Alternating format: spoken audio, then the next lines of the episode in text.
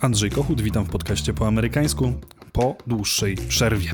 Niestety tych przerw ostatnio było więcej, to oczywiście wiąże się z tym, że podjąłem się różnych innych wyzwań, na przykład w ramach Ośrodka Studiów Wschodnich nie tylko przygotowywuję podcasty, ale także filmy, dodatkowo mam swój program w RMF24, przegląd zagraniczny. Napisałem też całkiem niedawno książkę Ameryka Dom Podzielony, jeżeli ktoś jest zainteresowany, link zostawię w opisie.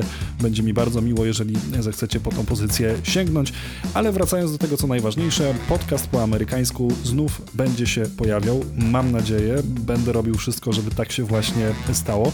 Ze względu na te wszystkie ograniczenia, inne zajęcia, o których mówiłem, będzie być może tak, że ten podcast pojawiać się będzie bardziej nieregularnie. Będzie być może tak, że te odcinki staną się nieco bardziej chaotyczne.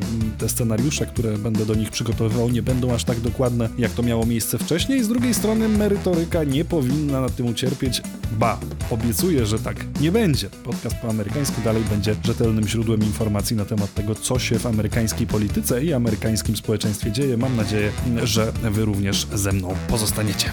A przechodząc już do rzeczy, ten pierwszy odcinek musi być o tym, co w ostatnim tygodniu było najbardziej bulwersującą sprawą w Stanach Zjednoczonych, a więc o wycieku danych z Pentagonu. Tym żyje Ameryka. To jest wielki medialny spektakl, który w tej chwili przetacza się przez Stany Zjednoczone. No i właśnie w dzisiejszym odcinku chcę się zastanowić, co właściwie wyciekło, na ile wiarygodne są te informacje i co dalej z tą sprawą, jakie będą jej konsekwencje. Zapraszam do słuchania.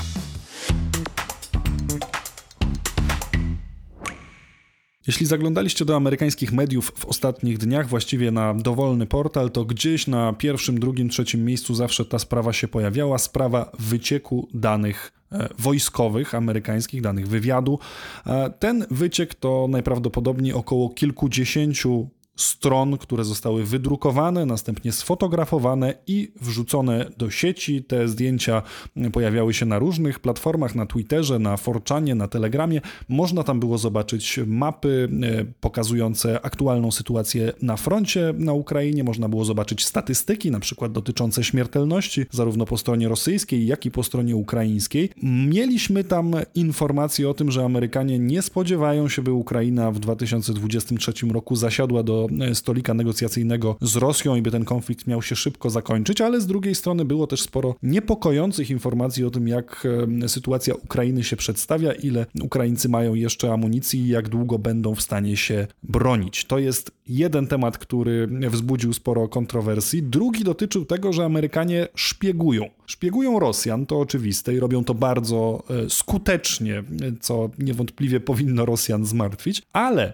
w tych informacjach o tym, że Amerykanie szpiegują, znalazły się również informacje o tym, że szpiegują własnych sojuszników. E, szpiegują na przykład e, Izrael, szpiegują Koreę Południową, szpiegują Kanadę czy Wielką Brytanię. To oczywiście będzie rodziło dla Stanów Zjednoczonych poważne problemy. Dlaczego szpiegują? Ano chociażby dlatego, żeby zastanowić się, co musiałoby się wydarzyć, jaki scenariusz musiałby zaistnieć, żeby taki Izrael wsparł militarnie Ukrainę. To oczywiście nic dziwnego, że Amerykanie takie scenariusze starają się budować. O wiele dziwniejszy jest fakt, że w tym celu szpiegują Mossad.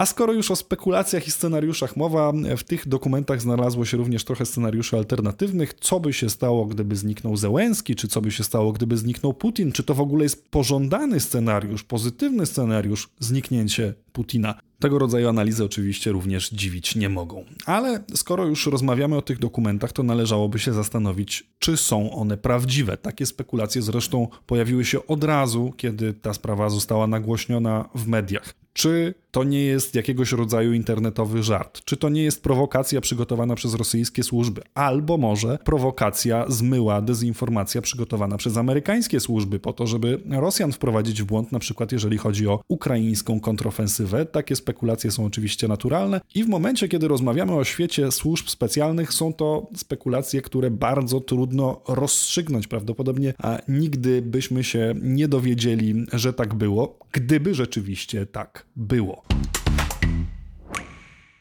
Dodatkowo pojawiły się wątpliwości co do prawdziwości informacji zawartych w tych dokumentach. Niektóre informacje nawet na pewno prawdziwe nie były. Marek Kozubel zwrócił mi e, w wywiadzie w przeglądzie zagranicznym uwagę na fejka, który właśnie w tych dokumentach się znalazł, o tym, że Polska przekazała Ukrainie systemy S-300, których w rzeczywistości nawet nie miała. Czy więc można wierzyć w to, co w tych dokumentach się znalazło? To jest e, pytanie otwarte, chociaż część odpowiedzi być może już mamy. Amerykanie e, bardzo poważnie potraktowali sprawę e, tego wycieku informacji, czemu zresztą trudno się dziwić, i ruszyli do śledztwa, żeby wykryć sprawcę. Okazało się, że wykrycie sprawcy wcale nie jest tak trudne, jak mogłoby się wydawać, bo na przykład na zdjęciach tych tajnych dokumentów można łatwo zlokalizować datę i godzinę, kiedy zostały one wydrukowane. A ponieważ są to dokumenty tajne, istnieje cały log plików wydrukowanych e, tajnych, kiedy, kto, o konkretnej godzinie, na jakim komputerze. Łatwo więc wyśledzić, gdzie te kopie, konkretne kopie tych dokumentów powstały. Oprócz tego na tych zdjęciach było też widać na przykład przedmioty, e, które znajdowały się na biurku tej osoby, która e, fotografowała dokumenty. Nie ma więc nic specjalnie dziwnego w tym, że już po kilku dniach dowiedzieliśmy się o aresztowaniu podejrzanego. To nagranie e, wyglądało bardzo dramatycznie. E, jego głównym bohaterem był młody mężczyzna w krótkich czerwonych spodenkach, w koszulce kaki, e, trzymał ręce za głową i tyłem przechodził wzdłuż opancerzonego pojazdu, a spoglądało na niego wielu mm, uzbrojonych po zęby agentów FBI. Tak aresztowany został Jack Teixeira.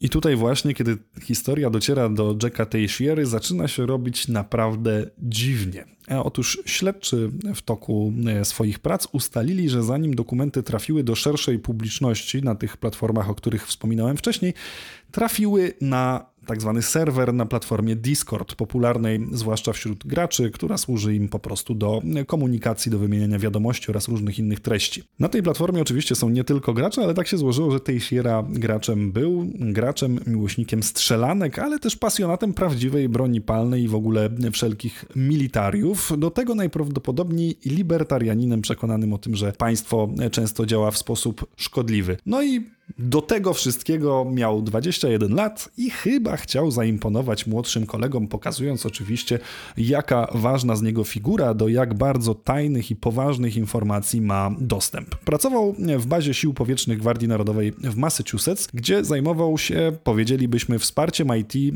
w całej sferze dotyczącej komunikacji, kanałów komunikacji pomiędzy pracownikami tej instytucji i w związku z tym, w związku z tą pracą, którą wykonywał, musiał ocierać się o dokumenty niejawne.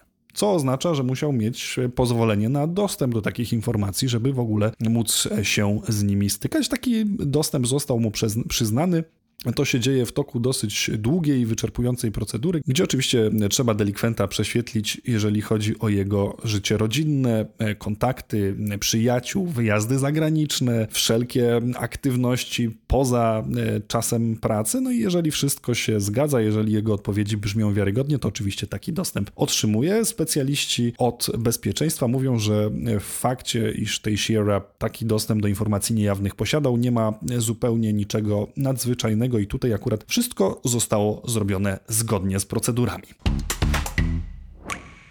Z tego co wiemy na chwilę obecną, Jake Teixeira nie wygląda jakby był super szpiegiem Kremla, który po cichu fotografuje tajne dokumenty, żeby Rosja jeszcze potężniej mogła zaatakować Ukrainę. Nie wydaje się też, żeby Jack Teixeira był sygnalistą, człowiekiem w typie Edwarda Snowdena, który dostał informację, czy zetknął się e, z jakąś informacją wskazującą na to, że rząd Stanów Zjednoczonych robi coś niegodziwego i dlatego właśnie postanowił podzielić się tym ze światem. Nic takiego jak na razie e, nie zostało ujawnione i wszystko wskazuje e, dokładnie na to, o czym mówiłem wcześniej, czyli że Jack Teixeira po prostu powiedział swoim kolegom: Podtrzymajcie mi piwo, a ja wam pokażę co potrafię zrobić, co potrafię wynieść, jakie informacje mogę Wam jeszcze pokazać. Taki jestem ważny. Z drugiej strony jego koledzy tłumaczą, był wywiad z jednym z ludzi, którzy e, korzystali z tego serwera na Discordzie, gdzie pojawiał się również Jack Teixeira. Ten młody człowiek, nastolatek, mówi o tym, że jego starszy kolega chciał też w ten sposób pokazać im, jak działa dzisiejszy świat za pomocą informacji, do których otrzymał dostęp. Mały problem polega oczywiście na tym, że wyniesienie informacji tajnych w ten sposób jest oczywiście przestępstwem i dzisiaj Jack Teixeira musi się mierzyć e, z zagrożeniem nawet 15 lat e, więzienia. Powstaje zatem pytanie, czy taka afera wywróci Stany Zjednoczone do góry nogami? Czy świat się zmieni e, dzięki temu, co zrobił Jack Teixeira? Prawdopodobnie nie. Taka byłaby najkrótsza odpowiedź. Słabości Ukrainy, e, Stany Zjednoczone szpiegujące swoich sojuszników, nikłe nadzieje na negocjacje, czy też niebezpieczna sytuacja Tajwanu to są rzeczy, o których albo wiedzieliśmy, albo których przynajmniej się domyślaliśmy. Nie ma w tym nic spektakularnego i przełomowego.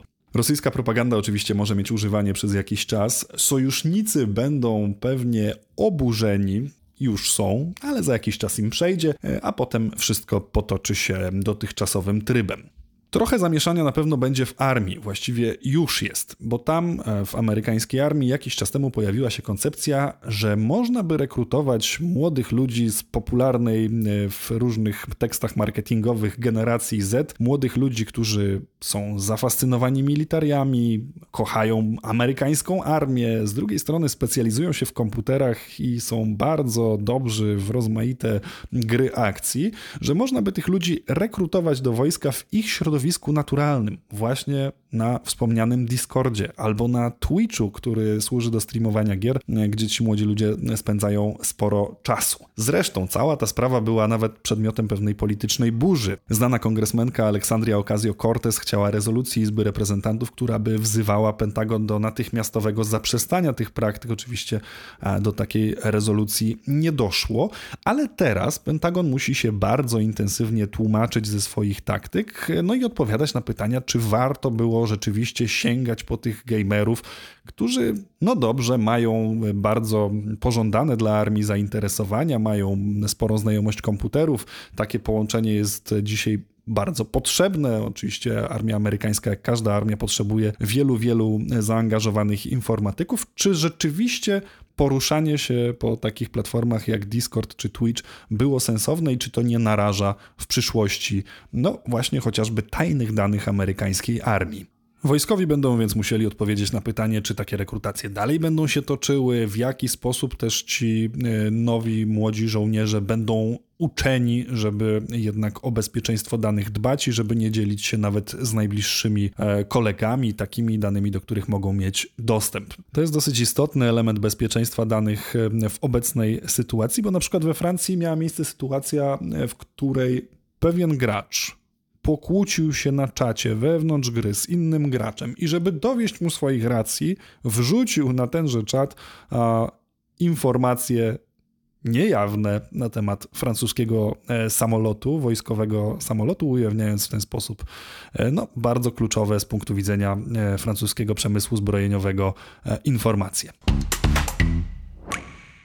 Wokół sprawy Jacka Teixeira zapewne będzie również pewien polityczny cyrk. Po pierwsze, dlatego, że to trochę wstyd dla Stanów Zjednoczonych, że tajne informacje, które nigdy nie powinny ujrzeć światła dziennego i nigdy nie powinny zostać poznane przez szerszą publiczność, nagle trafiają do mediów za pośrednictwem 21-letniego gracza, który nie sprawował żadnej wyższej funkcji, nie był super e, rosyjskim szpiegiem, nie był też człowiekiem, który miał jakąś wielką ideologiczną misję, po prostu chciał się podzielić z kolegami pewnymi mapami i statystykami, do których dostał dostęp. Druga sprawa dotyczy tego, kim sam Teixeira jest, a jest e, młodym miłośnikiem broni z wojskowej rodziny, rodziny e, amerykańskich patriotów i już w związku z tym niektórzy republikanie biorą go w obronę. Lauren Boebert na przykład sugeruje na Twitterze, że to absurd, żeby robić z niego wroga publicznego, że jest to wróg publiczny Joe Bidena właśnie dlatego, że jest dobrym amerykańskim patriotą, miłośnikiem broni, który e, chciał ujawnić rozmaite skandaliczne informacje na temat konfliktu na Ukrainie, które Biden mógłby ukrywać ze względu na to, że oczywiście chce Ukrainie pomagać, co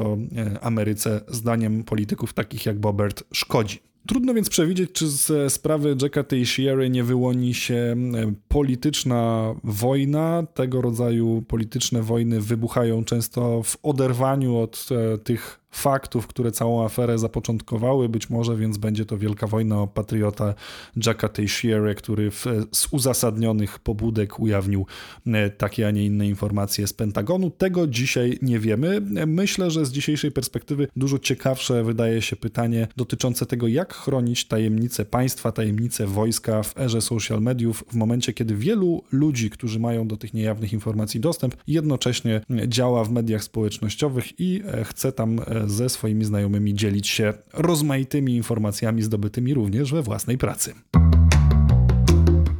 I to już wszystko na dziś. Mam nadzieję, że ten odcinek Wam się podobał, że pozostaniecie z podcastem po amerykańsku na dłużej. Zachęcam Was do subskrybowania tego podcastu na każdej platformie, na której zechcecie go słuchać, w tym również na YouTubie, gdzie od jakiegoś czasu podcast po amerykańsku jest dostępny. Do tego YouTuba zachęcam również dlatego, że tam można zostawiać komentarze pod, pod podcastem, pod odcinkiem podcastu, tak żebym również ja wiedział, co Was interesuje, co Was szczególnie zafrapowało, co Was obudziło oburzyło albo co wzbudziło Wasze wątpliwości. E, no i być może w nieodległej przyszłości również na tym kanale YouTube'owym pojawią się jakieś treści e, wideo, filmy po prostu. Polecam oczywiście moją książkę Ameryka Dom Podzielony. Link znajdziecie w opisie. Będzie mi niezmiernie miło, jeśli po tą pozycję sięgniecie. No i słyszymy się oczywiście w nieodległej przyszłości.